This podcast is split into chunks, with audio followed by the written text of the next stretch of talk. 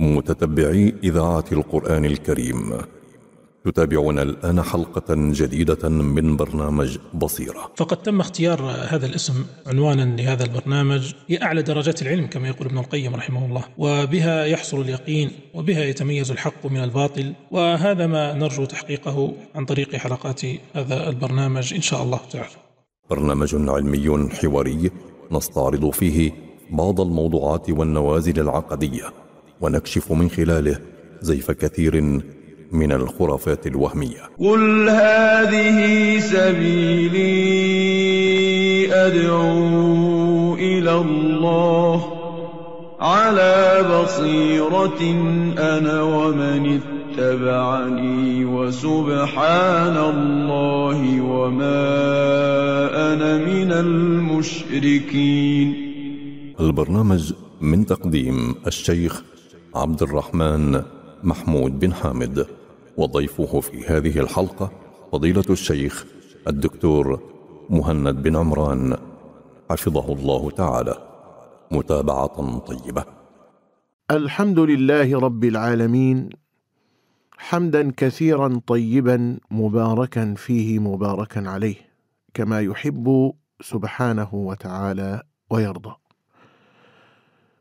وأصلي وأسلم على نبينا وقدوتنا محمد صلى الله عليه وعلى آله وسلم الذي قال كما صح عنه صلى الله عليه وسلم إنما بعثت لأتمم مكارم الأخلاق. حياكم الله تعالى في هذا اللقاء التاسع. من لقاءات برنامج بصيرة والذي يأتيكم عبر أثير إذاعة القرآن الكريم. في هذه الحلقة أرحب ابتداء بضيفي الكريم الدكتور مهند بن عمران. ضيف هذه الحلقات حياكم الله تعالى. حياكم الله فضيلة الشيخ عبد الرحمن وحيا الله الإخوة المستمعين والأخوات المستمعات ونسأل الله التوفيق والإعانة والسداد. اللهم آمين بارك الله فيكم وأحسن إليكم. يتجدد بنا اللقاء وبالإخوة والأخوات في برنامج بصيرة والذي نناقش فيه بعض الموضوعات المتعلقة بالعقيدة الصحيحة. ونتعرض فيه كذلك لنقض ونقد بعض الأفكار والآراء التي تعارض هذه العقيدة. واستكمالا لموضوع حلقتنا السابقة والذي كان بعنوان التربية العقدية. وقد تحدثنا فيه عن البناء العقدي للأطفال. فإن موضوع حلقتنا الثانية في موضوع التربية العقدية سنخصصها للحديث عن التحصين العقدي للأطفال. ابتداء دكتورنا الفاضل نبدأ معكم بهذا السؤال. ما هي أهمية التحصين العقدي عموما وللأطفال على وجه الخصوص؟ نعم. الحمد لله رب العالمين والصلاة والسلام على أشرف الأنبياء والمرسلين نبينا محمد وعلى آله وصحبه أجمعين. أما بعد فذكرنا في الحلقة السابقة أهمية التربية العقدية وبعض الأسس التي تبنى عليها. نعم. وأشرنا إلى أن من بنى شيئا فإنه سيستمر في المحافظة عليه من السقوط وحمايته مما قد يؤثر عليه حتى بعد الانتهاء من البناء. نعم. فكيف إذا كان هناك من يتربص لإسقاطه وهدمه؟ لا شك ستكون العناية والاهتمام به أكبر. ولأن العقيدة الصحيحة هي أغلى ما يملكه الإنسان فإن المحافظة عليها وتحصينها من تطرق الخلل إليها من أهم المهمات وأوجب الواجبات. نعم. ولأن المرء مسؤول عن رعيته وذريته فإن رأس هذه المسؤولية هو رعاية الدين والمحافظة عليه. نحن نعيش اليوم في زمن دقت فيه طبول المعركة ضد العقيدة وانتصبت فيه جيوش الباطل للقضاء عليها. بل إن الحرب دائرة من قديم وإن كانت أساليبها تتجدد كل زمان ومكان. نعم. عقيدة الطفل أو الشاب اليوم تتعرض لكم هائل من التشكيك والشبهات التي تبث عبر وسائل الإعلام المختلفة. يعني الإلحاد الذي هو أبطل الباطل أصبح اليوم يسرب إلى المسلمين بطرق جذابة وأساليب متنوعة. حتى صرنا نرى التأثر والشكوك تعصف ببعض أبناء المسلمين بل رأينا بأم أعيننا كيف يؤتى بزعيم الإلحاد المعاصر وأعدى أعداء الإسلام ليقدم برنامجا يتحاور فيه مع بعض أطفال المسلمين ليجيب عن إشكالاتهم الفكرية نعم. النصرانية اليوم تقدم للأطفال والشباب في صورة ديانة مسالمة يجلس أهلها يوم الأحد متحابين في كنائسهم المنظمة ويتزينون بصلبانهم المرصع باللؤلؤ. والقساوسة اليوم مثال للحكمة واللين والابتسامة الرائعة. هكذا تقدم النصرانية لكثير من أبناء المسلمين اليوم في الإعلام. أما النصرانية التي تدعي أن لله ولدا وأنه سبحانه ثالث ثلاثة وأن أكثر الكنائس المرصعة المنظمة ليست إلا أوكارا للشذوذ والانحراف بحسب تقاريرهم وإحصاءاتهم هم أن النصرانية كانت هي السبب في تخلف أوروبا قرونا طويلة لمحاربتها العلم والعلماء وأن النصرانية هي التي جيشت الجيوش وغزت بلدان المسلمين وسرقت خيراتهم تحت شعار الصليب. نعم. هذه النصرانية لن تجد لها ذكرا في الإعلام الموجه لأطفالنا اليوم. وإذا أردنا أن ننظر إلى ميدان آخر من ميادين الحرب على عقائد الأطفال والشباب فننظر إلى ميدان تحريف العقائد تحت غطاء الإسلام. اليوم الشيعة الروافض يبثون كثيرا من ضلالاتهم عبر قنوات موجهة للأطفال والشباب ليكونوا بعد ذلك أداة للطم الوجوه والتباكي على الماضي بدل أن يكونوا سواعدا لبناء الأمة وتقدمها. الخوارج اليوم يستهدفون الشباب عبر مقاطع مرئية جذابة بتقنيات عالية لتحريك عواطفهم واستغلال تدينهم ليكونوا خناجر في ظهور الأمة حتى يقتل الشاب أمه التي أنجبته لأنها كافرة في عقيدته الحداثيون اليوم يستغلون فنون الأدب من شعر ورواية وقصة لتمرير عقائدهم المعادية للقرآن والسنة والسيطرة على الشباب لتجنيدهم في معركتهم الخاسرة ضد التراث والثوابت تحت شعار حرية الفكر والتجديد وغيرها. نعم. هكذا يجتهد كل مبطل في نشر باطله لهذه الفئة العمرية لسهولة السيطرة عليها وغلبة الجهل وانعدام التجربة الحياتية عندها. ولذلك فإن مجرد تعليم أبنائك العقيدة الصحيحة وتربيتهم عليها ليس كافيا لصمودهم في هذه المعركة العقدية فضلا عن انتصارهم فيها بل لابد من التحصين العقدي الصحيح ولا يظنن أحد أنه في معزل عن هذه المعركة الكل مستهدف وبعض الناس قد أصيبت عقيدته وانخدش يقينه وهو لا يدري لجهله وإعراضه. فالخلاصة أنه يجب على المربي أن يسعى في حفظ عقائد أبنائه كما يسعى في حفظ أبدانهم. نعم. وأن يعلم أنه في مواجهة جيوش جرارة من الباطل فليستعن بالله تعالى ولا يغفل أو يكسل حتى يلج الباطل إلى عقائد أبنائه فيصعب عليه بعد ذلك علاجهم. وكما يقال الوقاية خير من العلاج. فعلا كما ذكرتم دكتور فإن المعركة ضد العقيدة عموما وعقائد الأطفال والشباب خصوصا يعني معركة حامية الوطيس كما يقال. ولذلك لعلنا دكتور ننتقل بعد هذه المقدمة إلى صلب موضوعنا. وكما يعني تعرفنا في الحلقة السابقة على أسس البناء العقدي الصحيح للأطفال فنرغب إن شاء الله تعالى في هذه الحلقة في معرفة آه، أسس التحصين العقدي للأطفال. نعم. موضوع التحصين العقدي موضوع متشعب خاصة في هذا الزمن ولكننا سنذكر أبرز وأهم الأسس التي تنبني عليها عملية تحصين العقدي للأطفال. نعم. فنقول أولا البناء العقدي الصحيح.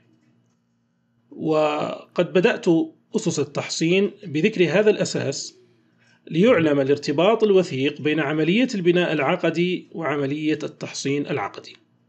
وحتى لا يظن أحد آه، أنهما عمليتان منفصلتان تأتي إحداهما بعد الانتهاء من الأخرى. الأمر ليس كذلك. عند تطبيق العملي التحصين أحد أهم قواعد البناء العقدي أصلا. فالبناء العقدي الصحيح للأبناء وتحصين هذا البناء من أي خلل هما عمليتان متوازيتان لا تنفك إحداهما عن الأخرى. نعم. فمن أراد حفظ عقيدة أبنائه من أن يتطرق إليها خلل فعليه أن يقوم بترسيخها في قلوبهم ترسيخا صحيحا وهذا الأمر قد تطرقنا إليه في الحلقة السابقة. نعم. الأساس الثاني من الأسس التحذير من الباطل والتنفير منه. من أسس التحصين العقدي التحذير من الباطل وكشف زيفه وطرائق أهله في نشره فالمربي لا يكتفي بالتعليم المجرد للعقيدة الصحيحة دون ذكر ما يخالفها ويناقضها من العقائد الباطلة. لأن الإنسان إذا لم يعرف الشر فإنه قد يقع فيه لاعتقاده أنه من الخير. خاصة وأنه لا أحد اليوم ينشر باطله في صورته الحقيقية. إنما ينشر الباطل اليوم في صورة الحق ويتم تزيينه وتلميعه حتى ينطلي على أهل الجهل به. وهذا الأساس واضح في الشريعة الإسلامية في أصل عقيدتها ألا وهي كلمة التوحيد. فإن كلمة لا إله إلا الله قد تضمنت نفيا وإثباتا. نعم. فلم يكتف الله سبحانه وتعالى بإثبات الألوهية لنفسه وإنما نفاها عن غيره من الآلهة الباطلة لأنه المستحق لها دون غيره سبحانه وتعالى. نعم. ونجد كذلك في القرآن الكريم التحذير من أهل الباطل واتباع طريقتهم. من ذلك قوله تعالى ولا تكونوا كالذين تفرقوا واختلفوا من بعد ما جاءهم البينات وقوله ولا تكونوا كالذين قالوا سمعنا وهم لا يسمعون وقوله ولا تكونوا كالذين نسوا الله فأنساهم أنفسهم وإذا أردنا تطبيق هذا الأساس في تربيتنا لأطفالنا فعلينا أن نقرن أغلب المسائل العقدية ببيان أضدادها ولو إجمالا مع مراعاة طبعا سن الطفل ومقدرته على الفهم. فإذا تكلمنا مع الطفل على التوحيد ووجوب عبادة الله وحده فإننا نقرن ذلك ببيان ضده وهو الشرك وذكر بعض أحوال المشركين وعباداتهم للأصنام والأوثان. وإذا قمنا بتعليم الطفل مثلا بعض السنن النبوية وفضل الاقتداء بالنبي صلى الله عليه وسلم فلا بأس من تحذيره من البدعة وما تتضمنه من المخالفة للنبي صلى الله عليه وسلم وإن كان ظاهرها العبادة أو التقرب إلى الله. بل إن ثبوت بعض المعاني العقدية ورسوخها في قلب المتلقي لا يكون رسوخا كاملا إلا إذا عرف ضدها وما يناقضها. نعم.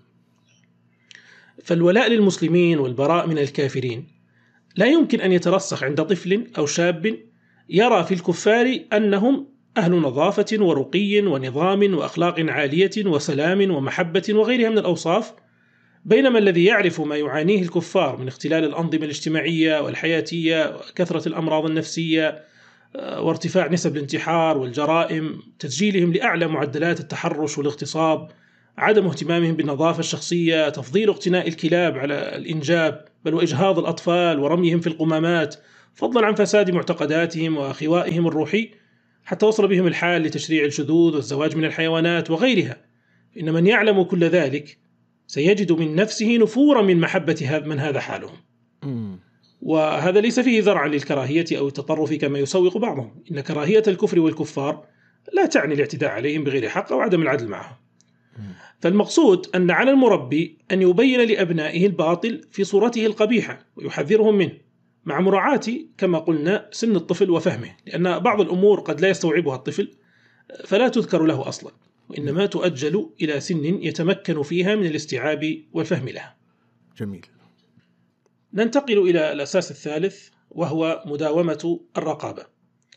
وعندما نقول مراقبة الأبناء فلا نعني بها عدم الثقة بهم أو كبت حريتهم. وإنما نعني بها حسن الرعاية لهم والحفاظ عليهم مما قد يخدش عقيدتهم أو ينقضها. نعم. فللباطل صولات وجولات وله أشكال وصور متنوعة.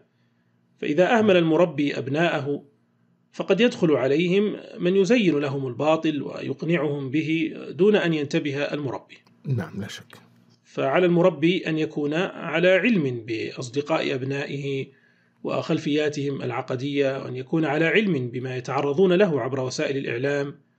وكل ذلك لا يعني التجسس بحال وإنما المراقبة أعم من التجسس. وفائدة هذه المراقبة أن يدفع عنهم الباطل قبل أن يتعرضوا له أو على الأقل قبل أن يتمكن منهم. وأما إذا كان غافلا عن أبنائه فإنه لن ينتبه للداء إلا بعد تمكنه وصعوبة علاجه. جميل. وكم سمعنا يعني عن آباء تفاجؤوا بإلحاد أحد أبنائهم أو بانضمامه إلى بعض الجماعات التكفيرية أو بهروب ابنته إلى بلاد الكفار وانخلاعها من الدين والحجاب وغيرها من القصص التي لا يمكن أن تحدث فجأة. وإنما. سبب الفجأة فيها هو غفلة الوالدين طيلة الوقت والمدة التي كان الشاب أو الشابة يتعرض فيها لشبهات أهل الباطل. لا شك نعم. الأساس الرابع تعزيز الرقابة الذاتية عند الأطفال. ذكرنا سابقا مراقبة الوالدين لأبنائهم وما يتعرضون له في وسائل الإعلام أو عن طريق الأصدقاء أو غيرها إلا أن هذه المراقبة مهما اجتهد فيها الوالدان سيعتريها كثير من النقص والخلل نعم. بسبب تعذر المراقبة في جميع الأوقات لانشغال الوالدين وكذلك بسبب مهارة الطفل أو الشاب في التخلص أصلا من الرقابة الأسرية. نعم. ولذلك ينبغي أن يغرس في الطفل معاني التعبد والخوف من الحرام والعلم باطلاع الله تعالى عليه جميل. في جميع أحواله. وذلك يجعل في الطفل نفرة من المحرمات بجميع أنواعها وخوفا من الاطلاع عليها.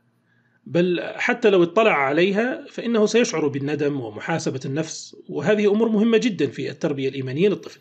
دكتور كيف نبني آه، ذكرتم في ال في ال يعني تعزيز الرقابة؟ وذكرتم هذه المسائل وكيف يعني يراقب الأبوان إلى غير ذلك. كيف نبني هذه الرقابة؟ هذا كلام مهم جدا يعني عند الطفل. الرقابة الذاتية عند الطفل كيف تبنى؟ نعم. آه، هذه الرقابة الذاتية آه، يمكن تربية الطفل عليها آه، بتعليمه معنى الإحسان في الإسلام. جميل. وهو أن تعبد الله كأنك تراه فإن لم تكن تراه فإنه يراك. وتضرب له بعض الأمثلة التي تدل على مراقبة العبد لربه في الخلوات عند شرحه لمعنى الإحسان.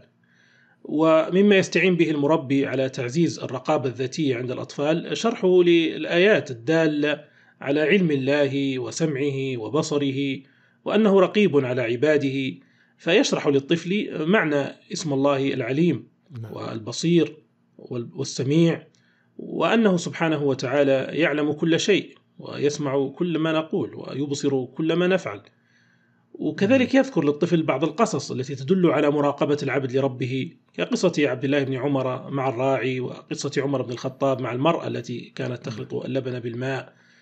وكذلك يبين للطفل أن الله حرم سماع كلام أهل الباطل وشبهاتهم وأمر باعتزال المجالس التي يستهزأ فيها بالله تعالى ودينه وشرعه. نعم. وأن السلف الصالح كانوا يرفضون سماع ما يتكلم به أهل البدع والمحدثات. وهذه الأمور كلها تجعل في الطفل أو الشاب نفرة من سماع أهل الباطل فلا يستطيعون بعد ذلك تسريب شبهاتهم إلى عقله. نعم. ولذلك فإن هذه الرقابة الذاتية عند الطفل تساعد الوالدين في العملية التربوية وتقلل من نفوذ كثير من الباطل. وقد رأينا أطفالا صغارا يغلقون آذانهم عند سماع الموسيقى أو يضعون أيديهم على أعينهم عند رؤية ما لا يليق في الشاشات أو الشوارع. وهذا كله بعد توفيق الله تعالى وهدايته نتاج التربية الصحيحة من الأبوين نعم الأساس الخامس غلق منافذ الباطل والاجتهاد في توفير البدائل. مهمة المربي شيخ عبد الرحمن اليوم أشق وأصعب من الأزمان الماضية التي كان الباطل فيها محصورا في جهات معينة. مم. وأما اليوم فإن الطفل أو الشاب يتعرض لكمية هائلة من صنوف الباطل وشبهات أهل الضلالة وتشكيكاتهم عبر وسائل متنوعة.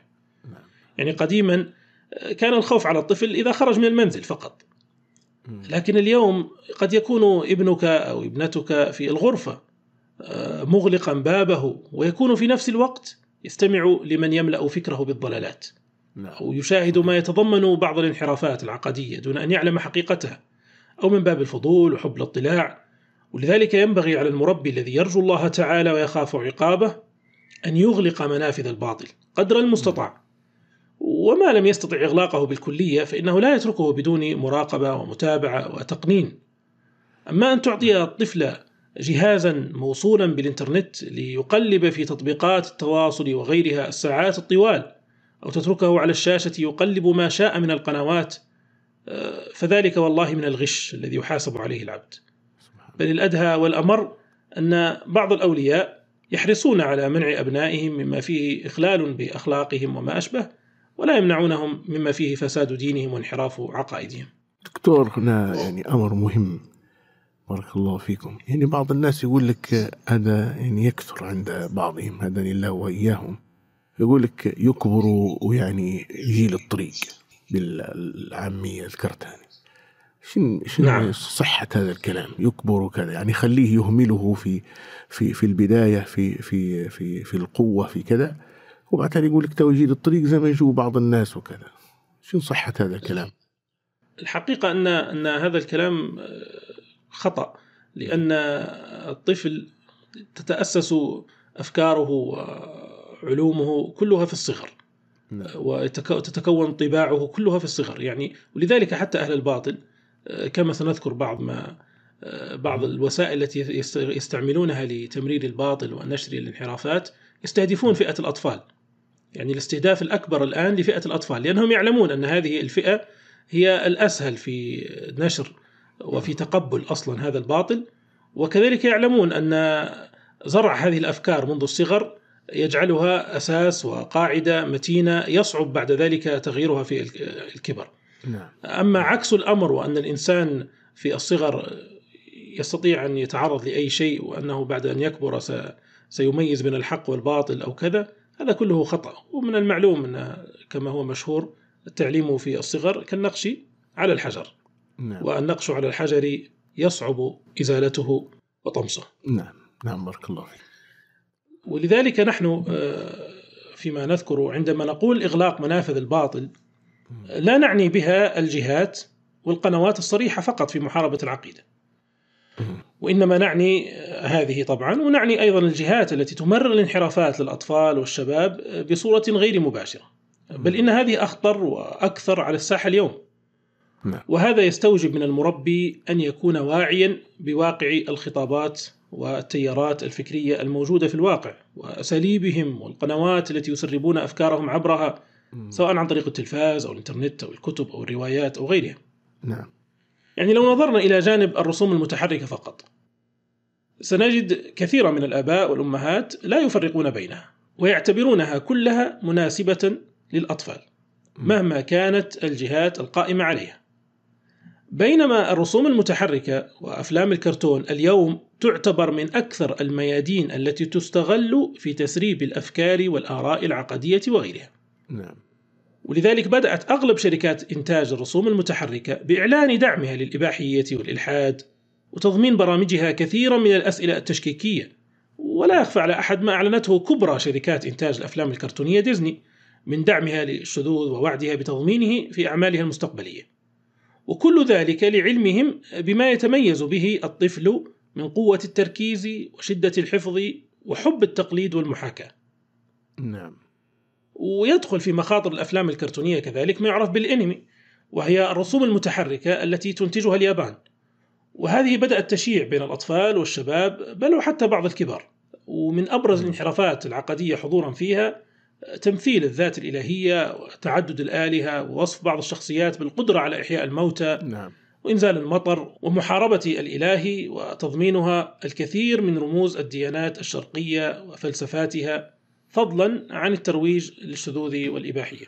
هذا دكتور تركك- كل كل واقع دكتور هذا موجود إيه نعم. في بيوتنا في نسأل الله السلامة والعافية. وتترك ال- الأم وال وال ال- الوالد يت- يتركون أبنائهم أمام التلفاز وهم يشتغلون. يقول لك الآن الطفل أمام التلفاز يعني يشغله ما يعني يسمعه ويراه وهم يعني يعني يشتغلون في أمور يرونها أهم من يعني نصح الط- الطفل ونحو ذلك. الله المستعان. نعم. صحيح. ولذلك ترك الطفل دون مراقبة وتعليم في مدة الطفولة بحجة أنه سيتعلم عندما يكبر كما ذكرتم شيخ عبد الرحمن نعم. من شيوع هذه الحجة عند كثير من الناس الحقيقة أنها تعتبر من أكبر الحجج الواهية. بل أعتبرها رفعا لراية الاستسلام والهزيمة من قبل المربي. نعم. لأنه كما ترى الطفولة هي مرحلة التعليم فعليا ولك أن تتخيل يا شيخ عبد الرحمن أن في دراسة نشرت في أحد المؤتمرات عام 2007 ميلادي تقول أن الطفل في عمر 11 عام يكون قد شاهد نحو 20 ألف مشهد قتل وأكثر من 80 ألف مشهد اعتداء. بل في دراسة لمنظمة اليونسكو تقول أن الطفل بمجرد بلوغه الثامنة عشر يكون قد قضى أمام شاشة التلفاز 22 ألف ساعة في مقابل أنه يكون قد قضى في المدرسة 14 ألف ساعة.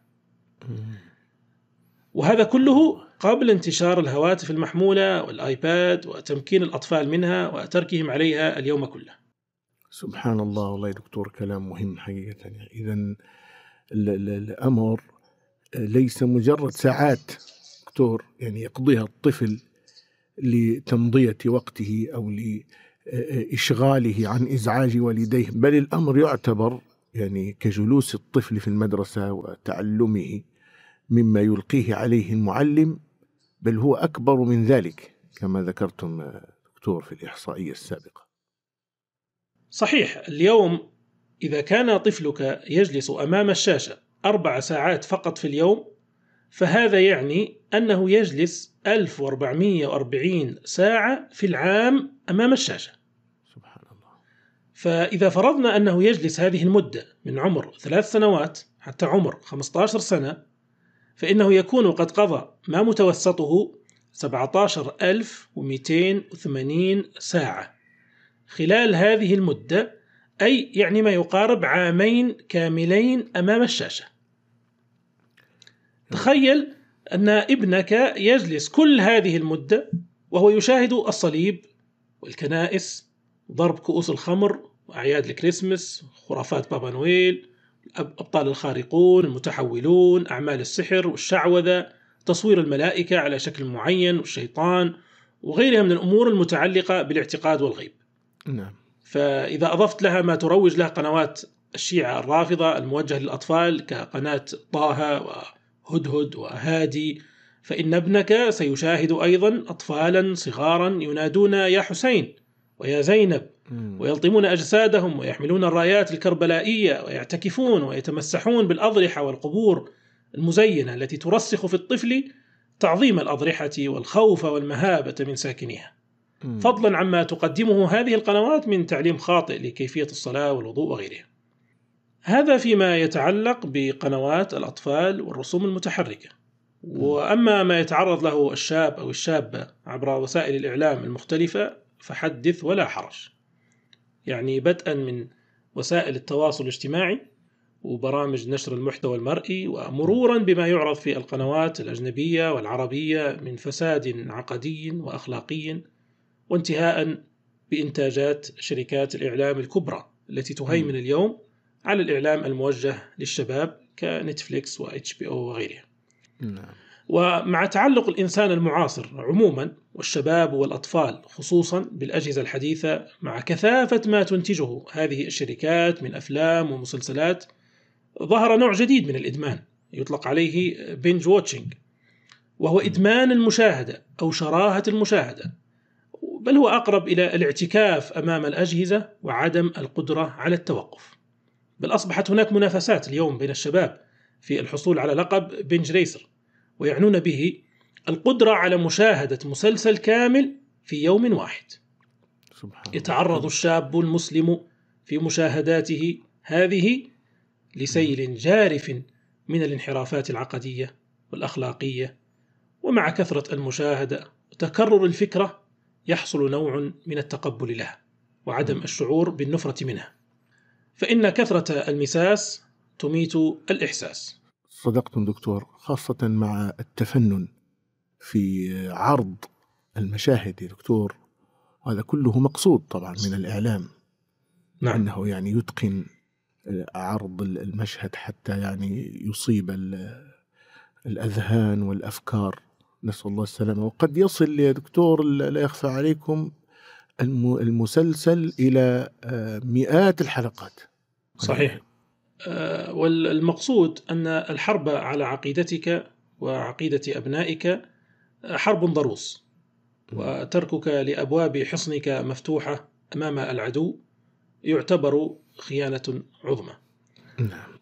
ومع كل ما ذكرناه من وجوب إغلاق منافذ الباطل فإن ذلك لا يعني أبدا منع الأطفال مما تحتاجه طفولتهم من اللعب والترفيه المباح فمن وظيفة المربي أن يجد البدائل الخالية من المخالفات العقدية والشرعية.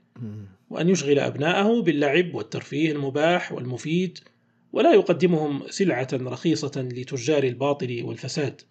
والبدائل كثيرة جدا والحمد لله يجدها من بحث عنها نعم لعلنا ننتقل للأساس السادس من الأسس التي تنبني عليها عملية التحصين العقدي وهو نعم السعي في إيجاد الرفقة الصالحة والتحذير من رفاق السوء.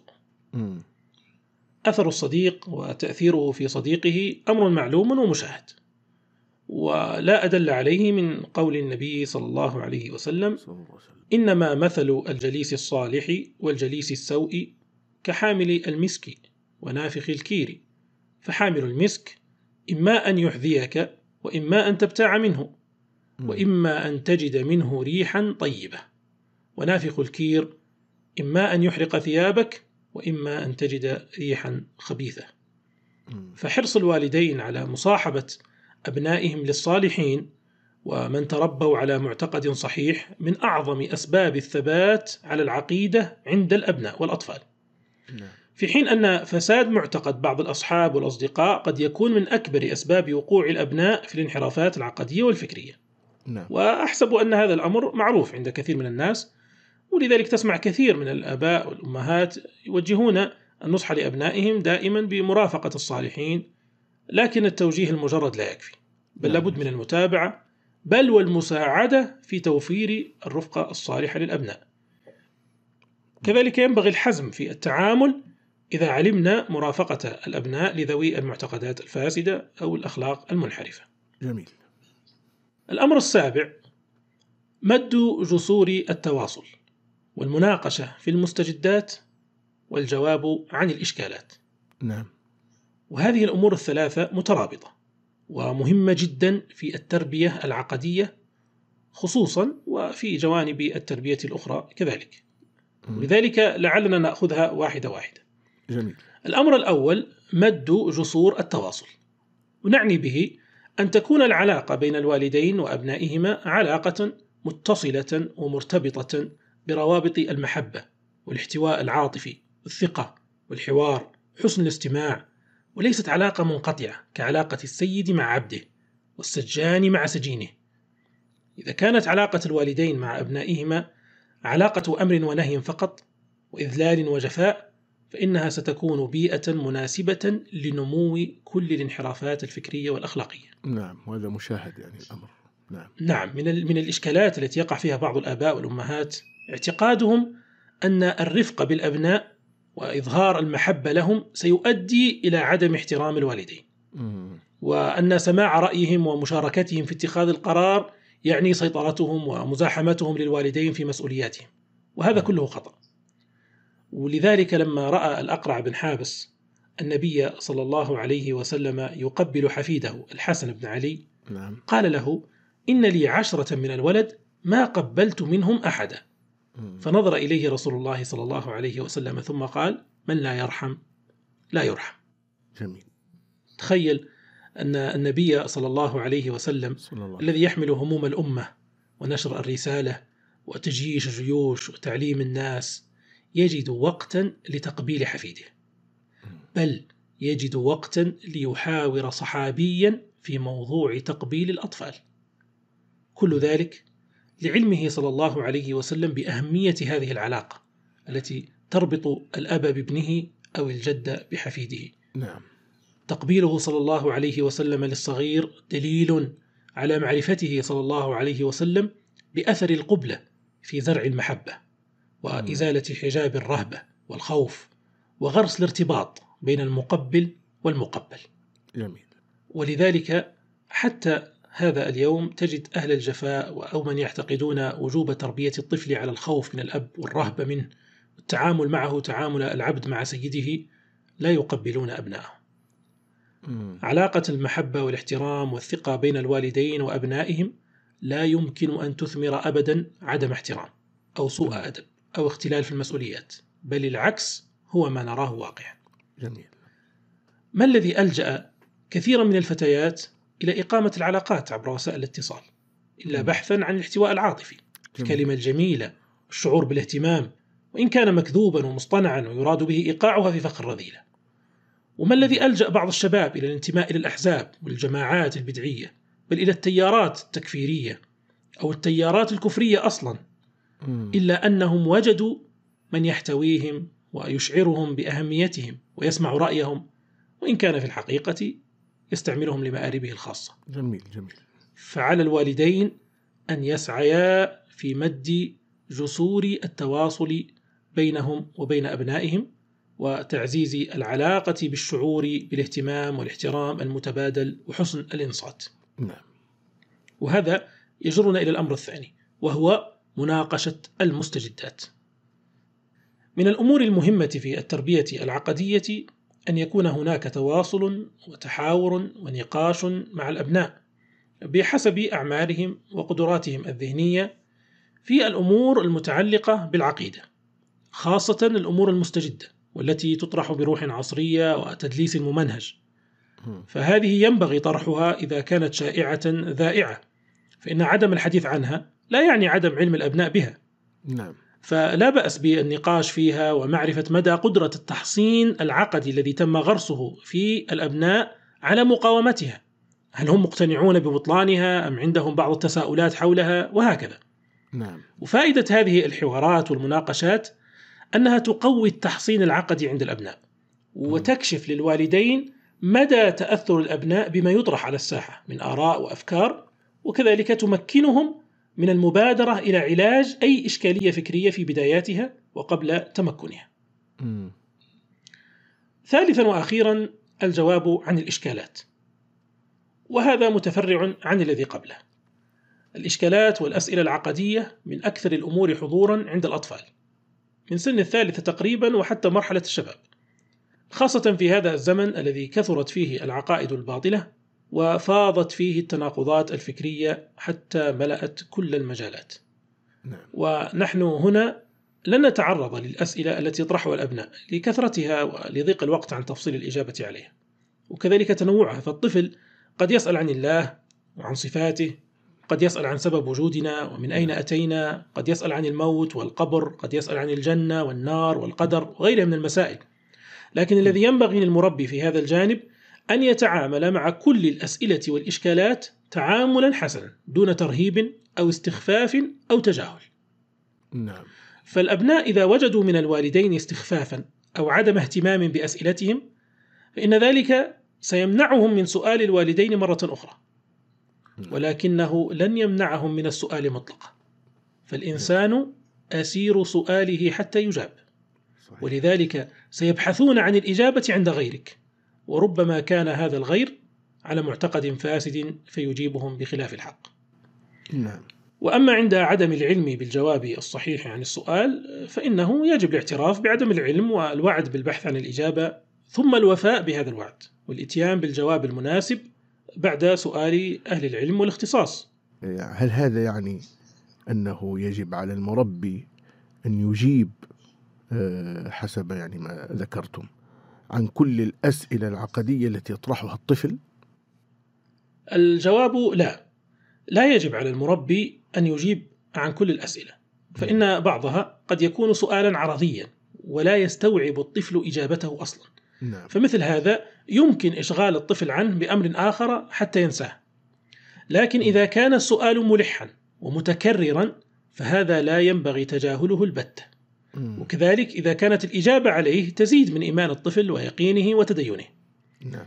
فينبغي على المربي دائما أن يكون الجواب عن السؤال بما يناسب فهم الطفل وعمره وأن يجتهد في تسهيل الإجابات والاستعانة بضرب الأمثلة وغيرها للتقريب.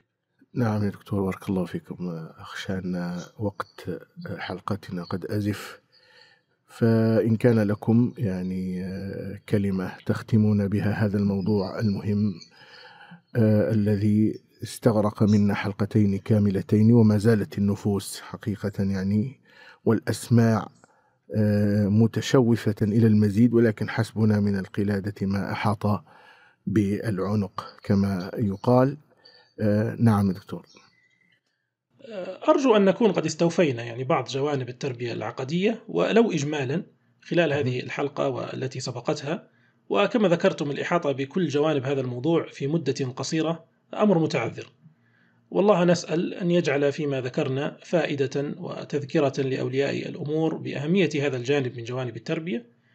ونسأله سبحانه أن يحفظ أبناءنا وأبناء المسلمين من كيد الأعداء وأن يجنبهم الفتن ما ظهر منها وما بطن وأن يجعلهم هداة مهتدين وصلى الله وسلم على نبينا محمد وعلى آله وصحبه أجمعين. صلى الله عليه وسلم. بارك الله فيكم يا دكتور. ونفعنا بما ذكرتم وبهذا الطرح وهذه النصائح القيمة الطيبة المباركة. آه إلى لقاء آخر إخواني الكرام أخواتي الكريمات. نلتقي فيه وإياكم على هذا البرنامج التوعوي الرائع. آه، ذلكم اللقاء. أستودعكم الله. والسلام عليكم ورحمة الله وبركاته. عبر أثير إذاعة القرآن الكريم تابعنا وإياكم حلقة من برنامج بصيرة. هذا بصائر للناس وهدى ورحمة لقوم يوقنون برنامج علمي حواري نستعرض فيه بعض الموضوعات والنوازل العقدية ونكشف من خلاله زيف كثير من الخرافات الوهمية.